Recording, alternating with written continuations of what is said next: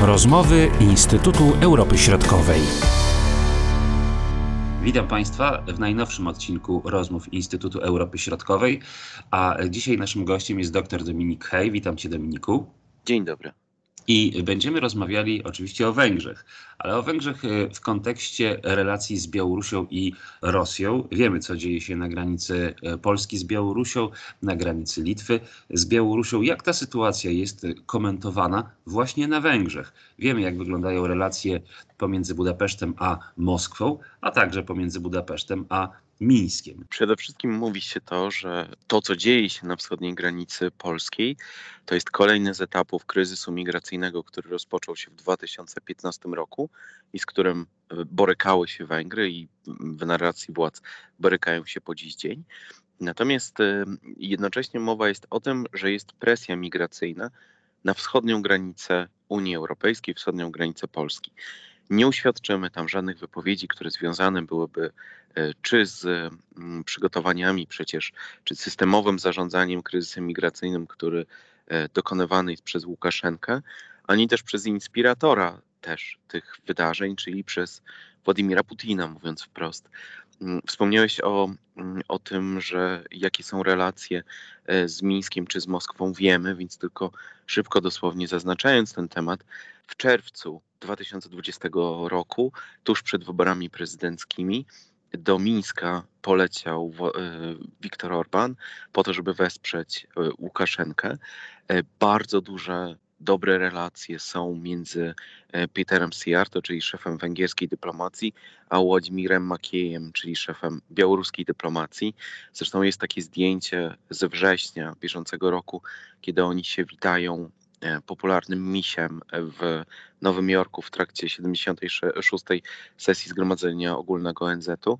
Mm, w związku z tym, jakby z złych słów, czy to od premiera, czy od szefa węgierskiej dyplomacji pod adresem Łukaszenki czy Białorusi nie usłyszymy.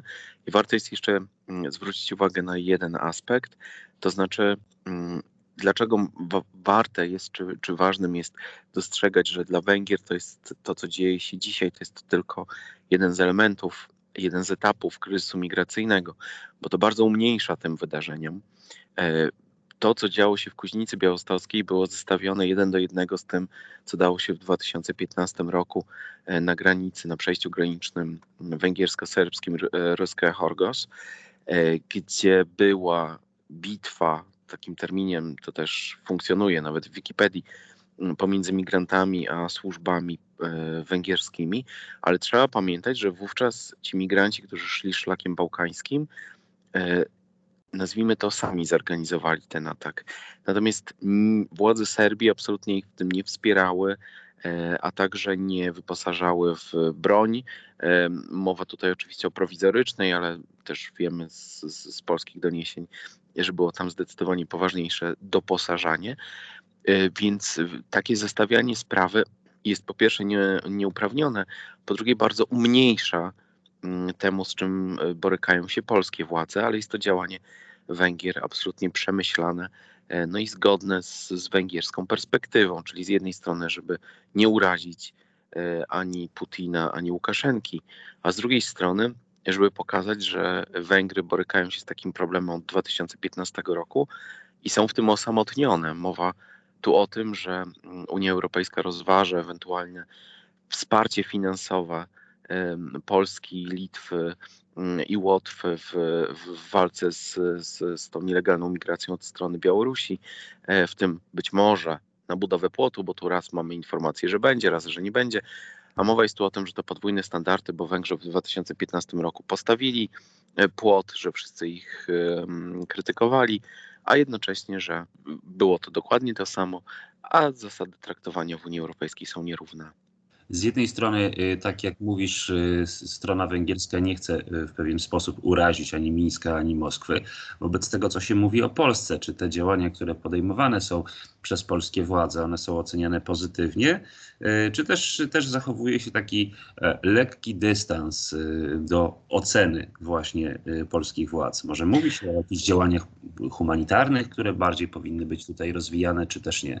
Nie, nie ma o tym mowy. y, Głównie dlatego, że jest to przyrównane właśnie bezpośrednio do 2015 roku, że z tą falą migrantów, którzy głównie zdaniem węgierskich władz mają iść z Afganistanu, tam jest mowa, że dziennie opuszcza Afganistan między 30 a 35 tysięcy osób, mm, że to są e, też w dużej mierze terroryści e, i że polskie władze walczą, no, chroniąc granice Unii Europejskiej od przed tymi migrantami oczywiście, ale to jest zestawione absolutnie w takiej narracji nie wojny hybrydowej. Takiego terminu nie usłyszymy od premiera i od szefa węgierskiej dyplomacji. Zresztą rozmawiamy chwilę po zakończeniu szczytu V4 plus Maroko w, w, w Budapeszcie w ramach węgierskiej prezydencji w Grupie Wyszehradzkiej. I tam też bo sam uczestniczyłem w takich spotkaniach w Budapeszcie.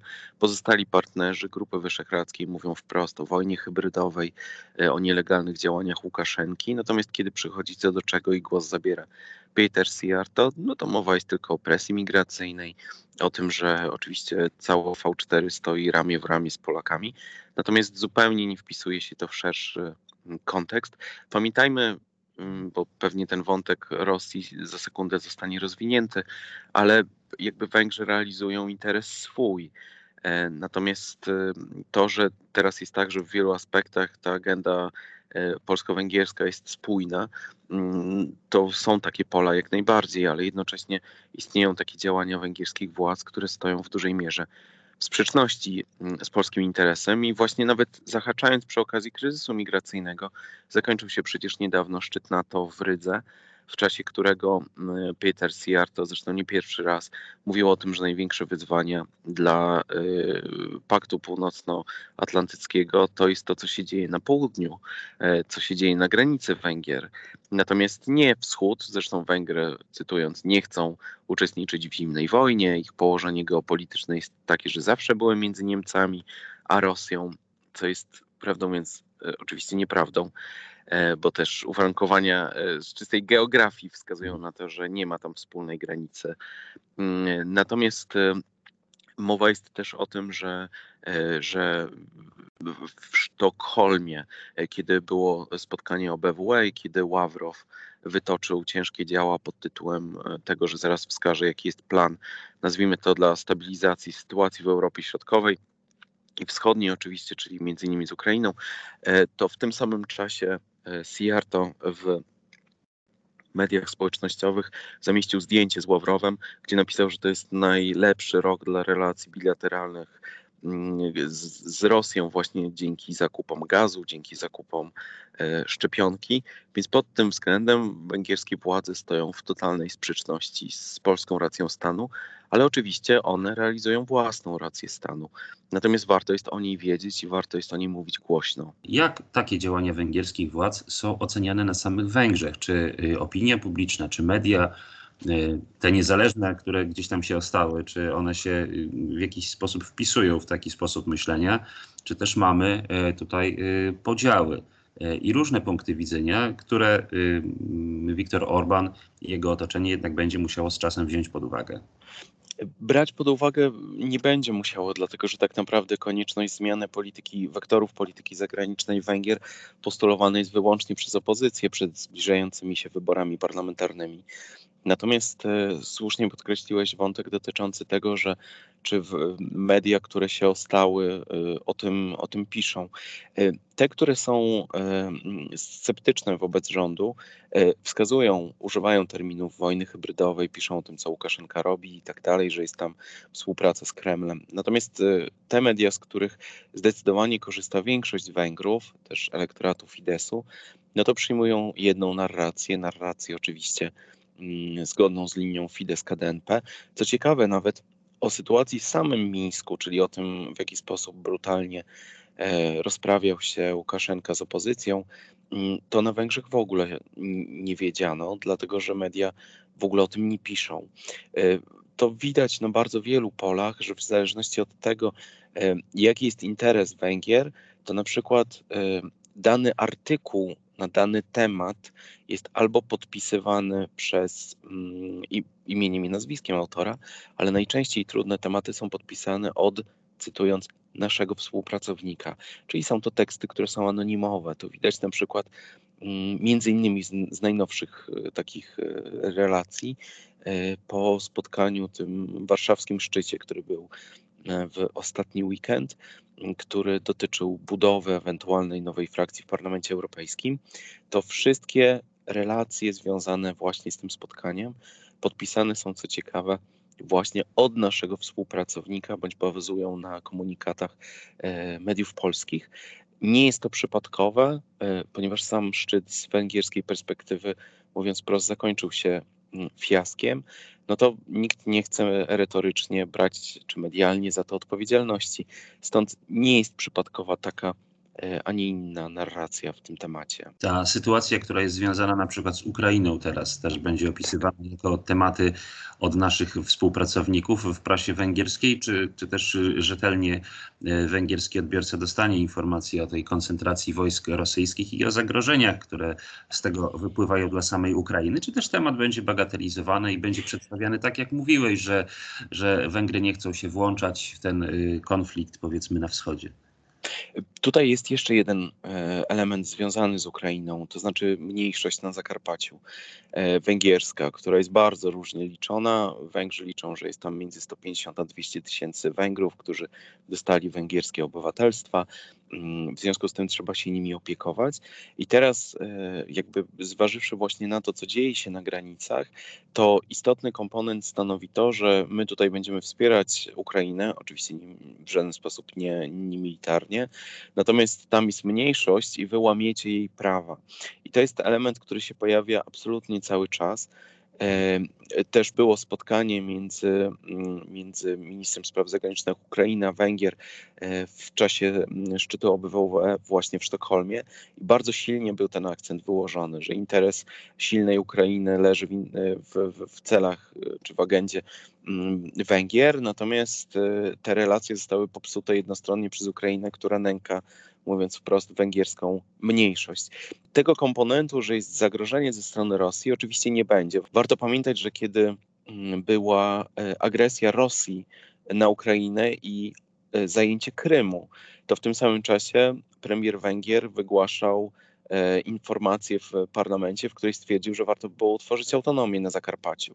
I w ogóle e, aspiracje dotyczące utworzenia autonomii na Zakarpaciu zestawiane są bardzo często z postulatami e, rosyjskimi do tego stopnia, że tam mowa jest o tym, że Rosja będzie musiała wejść, chronić własną mniejszość na Ukrainie i w komunikatach państwowej rosyjskiej telewizji jest wtedy informacja, czy takie mapy, że tutaj Węgrzy będą musieli no, dbać o swoją mniejszość na Zakarpaciu. Czyli w zasadzie, jeżeli sobie przypomnimy historycznie, to to są postulaty, mówię o stronie rosyjskiej, mm, tożsame z tym, dlaczego y, Rosja weszła do Polski we wrześniu 1939 roku, więc tutaj wiele pod tym względem się nie zmieniło. Natomiast y, silny akcent kładziony jest na to, że mm, to, co dzieje się na wschodniej granicy, e, to nie jest najważniejszy temat, że należy się porozumieć, e, że chodzi tutaj e, Węgrom tylko o mniejszość. No pamiętajmy, kto blokuje integrację Ukrainy z NATO, czy kto próbuje, mówiąc wprost, grać na rozbicie jakichkolwiek bloków wschodnich. Mm, oczywiście Węgry. I co ciekawe, wywiadzie dla Rzeczpospolitej pojawiła się taka wypowiedź Marine Le Pen, która mówi, że Ukraina jest w, mm, w rosyjskiej strefie wpływów, co wzbudziło pewne emocje wśród polskich odbiorców, też polskich polityków. Trzeba pamiętać, w 2018 roku w czasie letniego uniwersytetu w Bajle Tuszat w języku rumuńskim albo w Tyszna Twyrdy w języku węgierskim, czyli takiego um, uniwersytecie, który odbywa się w Siedmiogrodzie, Viktor Orban um, powiedział, że nie ma sensu budować wschodniej polityki e, wspólnej Unii Europejskiej e, oraz, że Rosja ma prawo czuć się zagrożona, buduje oczywiście strefy buforowe, w których granicach niestety znajduje się Ukraina. W związku z tym to, co powiedziała dzisiaj e, w ostatnich dniach Le Pen, to jest coś, co Orban mówi od lat. E, natomiast jego głos, z racji oczywiście też wielkości państwa, które reprezentuje, mm, jest zupełnie pomijany, dzięki czemu niewątpliwie Węgrom jest prościej rozgrywać e, takie tematy, e, dlatego że każdy mówi, dobra, mały to, to, to, to nieistotne. Natomiast krok po kroku węgierskie władze mówią i przejmują niejednokrotnie retorykę Kremla i uskuteczniają ją tutaj w regionie Europy Środkowej, żeby wspomnieć też o takim ważnym wydarzeniu, jak to, że e, trwa e, konflikt, spór w Bośni i Hercegowinie. E, I Siarto razem z premierem polecieli do Banialuki, żeby rozmawiać z, z, z, z, premierem tej i Serbii, i przewodniczącym tej serbskiej części w ramach Bośni. Mm, I lecąc tam, pojawił się komunikat w mediach społecznościowych Siarto, że o sytuacji w regionie rozmawiał z Ławrowem. W związku z tym to przekracza pewne formy normalnej współpracy i można z coraz większą odpowiedzialnością powiedzieć, że Węgry prowadzą politykę w regionie Europy Środkowej, też w architekturze bezpieczeństwa, zgodną z interesem Kremla.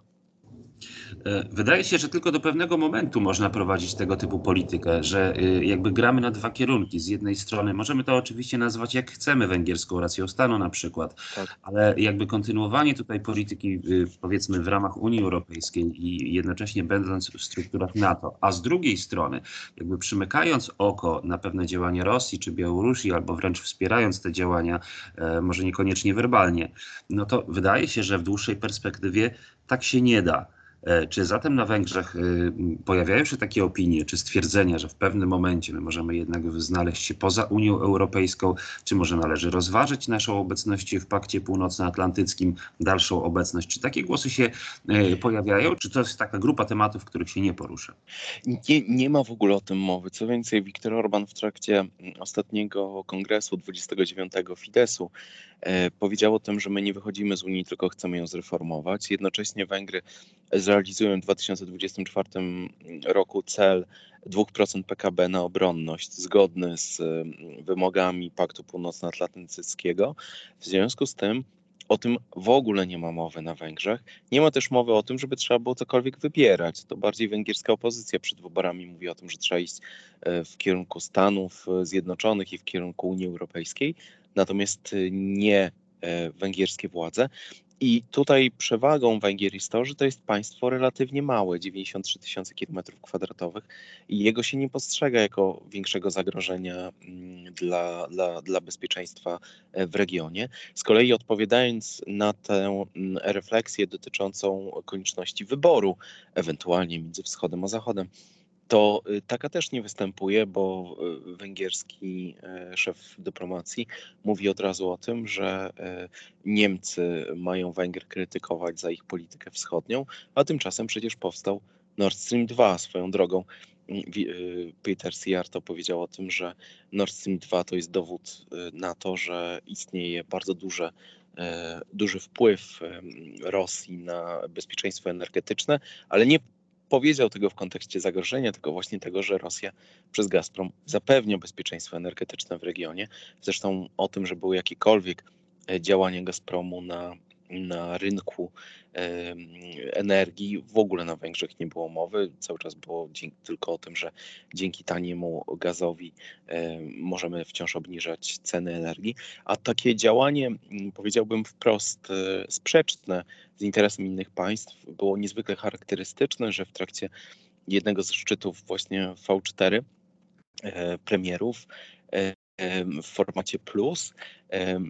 Premier tak Mateusz Morawiecki, jak i mm, premier e, Babisz e, mówili, czy w końcu premier Słowacji mówili o tym, że trzeba e, uczynić wszystko, co się da, żeby zainteresować Komisję Europejską tym, co robi Gazprom, w jaki sposób traktuje swoich też kontrahentów, jak wpływa na bezpieczeństwo w regionie. Po czym po tym spotkaniu Viktor Orban pomachał głową ze zrozumieniem. Szef węgierskiej dyplomacji poleciał do e, Biszkeku, gdzie e, na filmie promocyjnym z tego wyjazdu zamieścił siedzibę Gazpromu, e, w której nie był, ale zamieścił ją. W związku z tym już jawniejszego mm, gardzenia interesem innych państw w ramach Grupy Wyszehradzkiej chyba się nie da już bardziej zrobić, E, ale to jest bardzo, bardzo symptomatyczne i też to, chociaż wydawało się to wręcz nieprawdopodobne, że za każdym razem po szczycie V4 Syjarto leci gdzieś na wschód. E, I to jest bardzo charakterystyczne. Po szczycie mm, V4 plus Egipt e, poleciał, był dwa razy w Moskwie w ciągu 48 godzin, e, potem właśnie poleciał do Biszkeku e, na Kongres Azji i Unii Europejskiej, gdzie przedstawicieli Unii Europejskiej no, niespecjalnie byli, Mm, a teraz poleciał akurat do, do, w kolejny kierunek mm, koreański.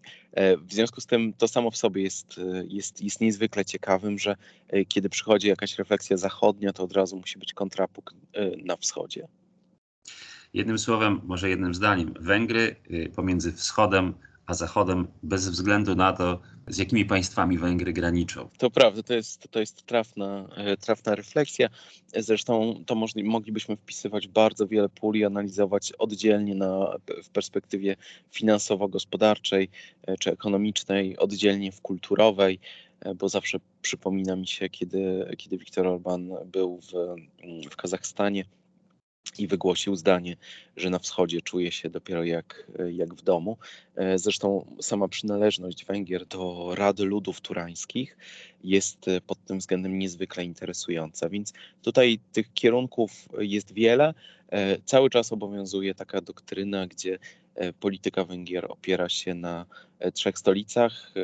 E, Teraz zobaczymy, czy zmieni, e, czy, czy, czy ona się zmieni po tym, kiedy mamy nowy rząd w Niemczech. No ale to jest Berlin jako Unia Europejska, Moskwa jako Rosja, ale też Wschód, no i Turcja e, jako perspektywa turanizmu e, i tej solidarności bratersko antropologicznej e, Węgrów z całym regionem. To się nazywa polityka wielowektorowa. Jest tych wątków faktycznie wiele. Zazwyczaj spłycamy to do jednego, dwóch wydarzeń, ale węgierską politykę warto jest osadzać w bardzo szerokich realiach, dlatego że wtedy łatwiej jest zrozumieć, co się kryje za tą retoryką, która faktycznie wygląda ładnie, pięknie, ale potem trochę się nie spina z działaniami. Bardzo dziękuję Dominiku za tę pouczającą rozmowę. Dr Dominik Hej był moim rozmówcą i gościem w Państwa domach. Bardzo dziękuję. Do usłyszenia.